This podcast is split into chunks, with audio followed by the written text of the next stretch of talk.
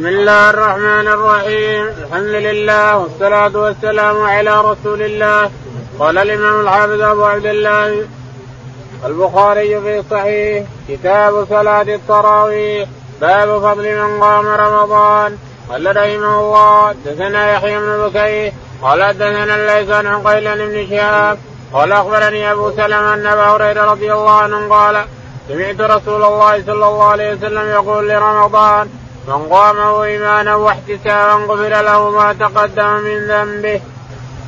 بسم الله الرحمن الرحيم. الحمد لله رب العالمين. صلى الله على نبينا محمد وعلى آله وصحبه أجمعين. يقول الإمام الحافظ أبو عبد الله البخاري رحمه الله في صحيحه وقد تكلم على رمضان وما تكلم وما يتصل برمضان وفضله وقيامه والان يتكلم على التراويح.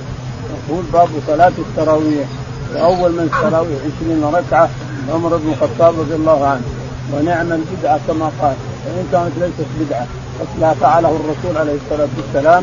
أربع ليلات يصلي الرسول بالناس. هذا امتدادها. ثم سنها عمر. إنما الزيادة من عمر.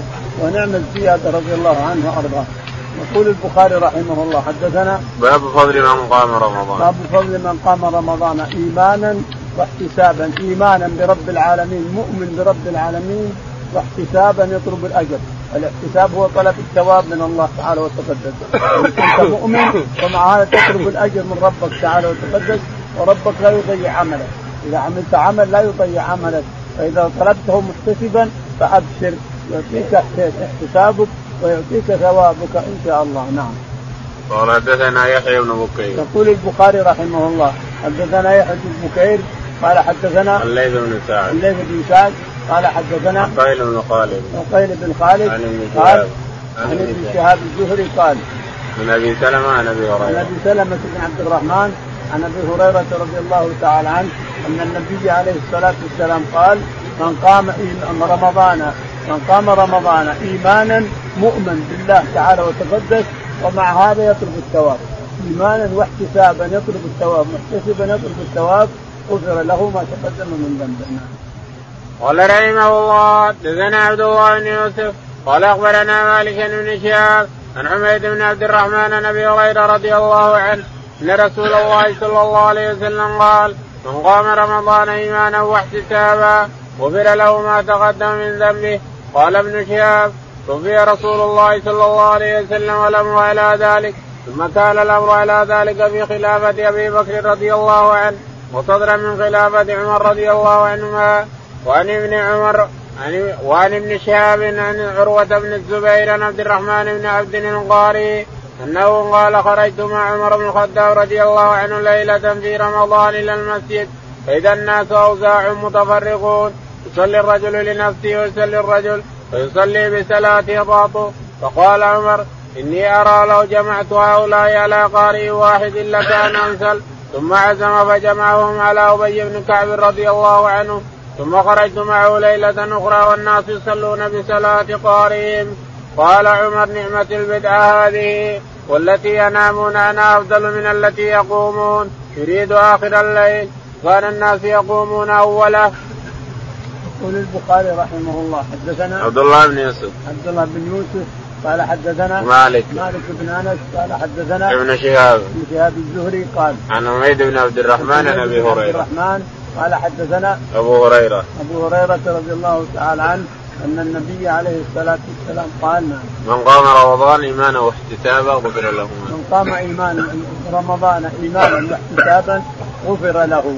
الأول قال غفر له ما تقدم من ذنبه وهنا قال غفر له اطلاقا وهو امتداد لهذه الشهاده أنه إذا قام رمضان إيمانا برب العالمين وطلبا لثواب رب العالمين فإنه يغفر له ما تقدم من ذنبه كما تقدم نعم. قال ابن شهاب فتوفي رسول الله صلى الله عليه وسلم والأمر على ذلك. يقول ابن شهاب الزهري وتوفي الرسول عليه الصلاة والسلام والأمر على ذلك يعني يصلون رمضان يصلي بهم الرسول أحيانا ويصلون في جماعة أحيانا بأنفسهم والامر على ذلك رمضان على هو ثم توفي أبو بكر الصديق والامر على ذلك. ثم صدرا من خلافة عمر. ولما كان صدرا من خلافة عمر لما مشى معه تلميذه ابن عبد الرحمن بن عبد عبد الرحمن بن عبده. مشى معه إلى المسجد. ولما دخل المسجد عمر رضي الله تعالى وهو خليفة ذلك اليوم رأى وراء الناس هذا يقرأ لحاله وهذا يقرأ بناس وهذا مجتمعين يقرون لحالهم وهذا قال سبحان الله. ارى أني لو جمعت الناس على قارئ واحد لكان أفضل وأمثل. فعزم رضي الله عنه وجمع الناس على ابي بن كعب في مسجد الرسول عليه الصلاة والسلام وجمع الأنصار في مسجد الأنصار على تميم بن أوس الداري رضي الله عنهم أجمعين. فجمعهم ثم أتى بعد ذلك واذا هم بقارئ واحد تميم كعب بن مالك ابي بن كعب رضي الله عنه. قال ما أحسن هذه ما أحسن هذه. ثم قال ما أحسن هذه البدعة لكن ليست بدعة. امتداد للرسول عليه الصلاة والسلام كما سيأتي. الرسول عليه الصلاة والسلام صلى بالناس أربع ليلات. أربع ليلات يصلي بالناس حتى اكتظ المسجد وامتلأ ثم اختفى. ولما قابلهم الفجر صلى الفجر معهم وانصرف لهم خطب خطب عليه الصلاة والسلام وقال أما بعد فإني لا لم أختفي. لم يختفي عليكم لم يخفى علي مكانكم من المسجد. ولكني خشيت أن يفرض. خشيت أن يفرض عليكم ولا تستطيعون. لو فرض رمضان ما قدرتوا ما قدرتوا تقومون كله وتصلون كله ما تقدرون. أنا أخشى أن عمر يقول ما نخشى أحد. الآن الوحي انقطع ولا نخشى أحد. فجعلها 20 ركعة. قال والتي ينامون عنها أفضل من يقول عمر والتي ينامون عنها وهي آخر الليل. لا شك أن وقت التنزل الإلهي أفضل. وقت التنزل حينما ينزل الباري ينادي الناس أفضل. نعم. قال رحمه الله دثنا إسماعيل قال دثنا مالك بن شهاب عن عروة بن الزبير عن عائشة زوج النبي صلى الله عليه وسلم أن رسول الله صلى الله عليه وسلم صلى وذلك في رمضان.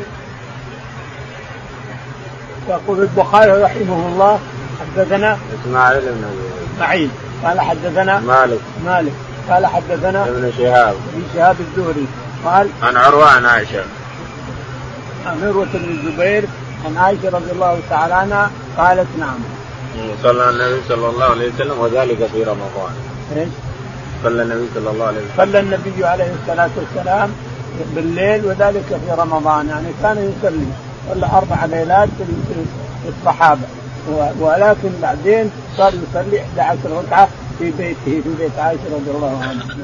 قال رحمه الله دثنا يحيى بن بكير قال دثنا الليث بن عقيل بن شهاب قال أخبرني عروة بن الزبير أن عائشة رضي الله عنها أخبرته أن رسول الله صلى الله عليه وسلم خرج ليلة من جوف الليل وصلى في المسجد وصلى رجال بصلاته فأصبح الناس فتحدثوا فاجتمع أكثر منهم وصلوا معه فأصبح الناس فتحدثوا وكثر أهل المسجد من الليلة الثالثة فخرج رسول الله صلى الله عليه وسلم فصلى فصلوا بصلاته فلما كانت الليلة الرابعة أجاز المسجد عن أهله حتى خرج لصلاة الصبح. فلما انقضى الفجر أقبل على الناس فتشهد. ثم قال أما بعد فإنه لم يخفى علي مكانكم ولكني خشيت أن تفرض عليكم فتعجزوا عنها. فتوفي رسول الله صلى الله عليه وسلم والأمر على ذلك. يقول البخاري رحمه الله حدثنا يحيى بن بكير. يحيى بن بكير قال حدثنا الليث بن سعد. الليث بن سعد قال حدثنا عقيل بن خالد. عقيل بن خالد عن ابن شهاب. عن ابن شهاب الزهري عن عروة عن عائشة. عن عروة عن عائشة رضي الله تعالى عنها قالت نعم. أن رسول الله صلى الله عليه وسلم خرج ليلة من جوف الليل وصلى في المسجد وصلى رجال بصلاته.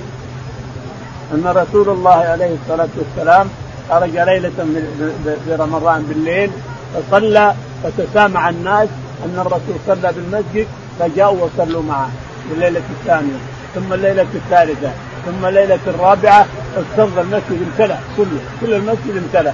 فلما رآهم كذا أصبح الصبح الليلة الرابعة أو الخامسة ما خرج.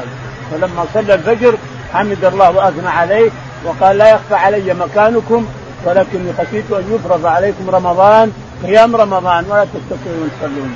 يفرض. يفرض عليكم خشيت أن يفرض. فاختفيت. هذا الرسول عليه الصلاة والسلام أنزل الله لقد جاءكم رسول من أنفسكم عزيز عليه ما عنتم. حريص الشيء اللي يشق عليكم يحج عليه ما يرغب أنه يشق على امته عليه الصلاة والسلام. حريص بالمؤمنين رؤوف رحيم. إلى آخر الآية إلى آخر السورة. يقول البخاري رحمه الله نعم. وصلى رجال بصلاة وصلى الناس وصلى رجال بصلاة أول ليلة.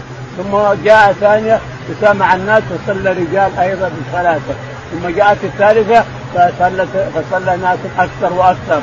ثم جاءت الليلة الرابعة فامتلأ المسجد إلى آخره. امتلأ امتلاء. فاختفى عليه الصلاة والسلام وخطبهم في الفجر. قال خشيت أن يفرض. إني ما اختفيت إلا خشيت أن يفرض عليكم. نعم.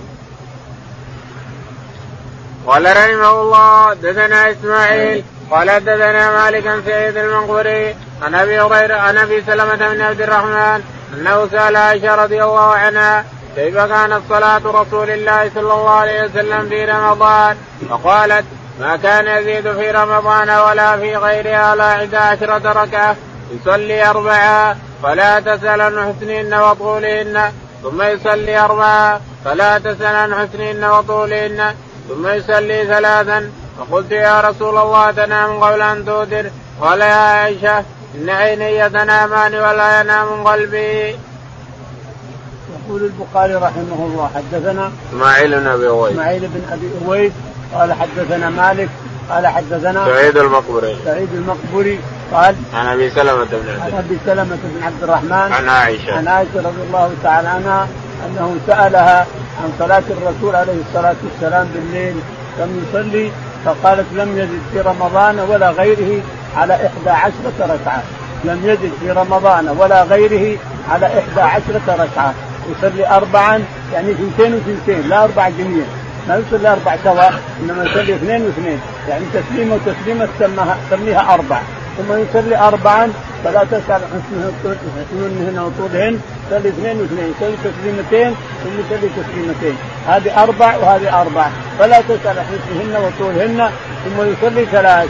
أما الثلاث فهو يفرقها عليه الصلاة والسلام أحيانا يصلي الثلاث بتسليمتين وأحيانا يصليها كالمغرب وأحيانا يصليها بدون جلوس بدون أو يجلس ويقوم بدون السلام إلى آخره. الشاهد أنها قالت ما يزيد عن 11 ركعة. لكنه ورد في البخاري ومسلم أنه صلى 13 ركعه فمن أين هذه الركعة؟ يعني ابن عباس وعن عائشة أيضا. لكن يقال إن الثلاث العشر ركعة ربما عدوا صلاة الفجر. ركعتي الفجر عدوها مع 11 ما زاد على 11 ركعة. لكن ركعتي الفجر اللي يصليها بعد الفجر قبل الفجر ربما حسبوها مع 11 وصارت 13 إلى آخره. قال قلت تنام قبل أن توتر قال يا عائشة سالته عائشة رضي الله عنها تنام قبل أن توتر يا رسول الله؟ قال ان إنه تنام عيني ولا ينام قلبي هذا خاص بالرسول. لا يجوز لأحد أن يقوله لأحد من البشر إلا الرسول.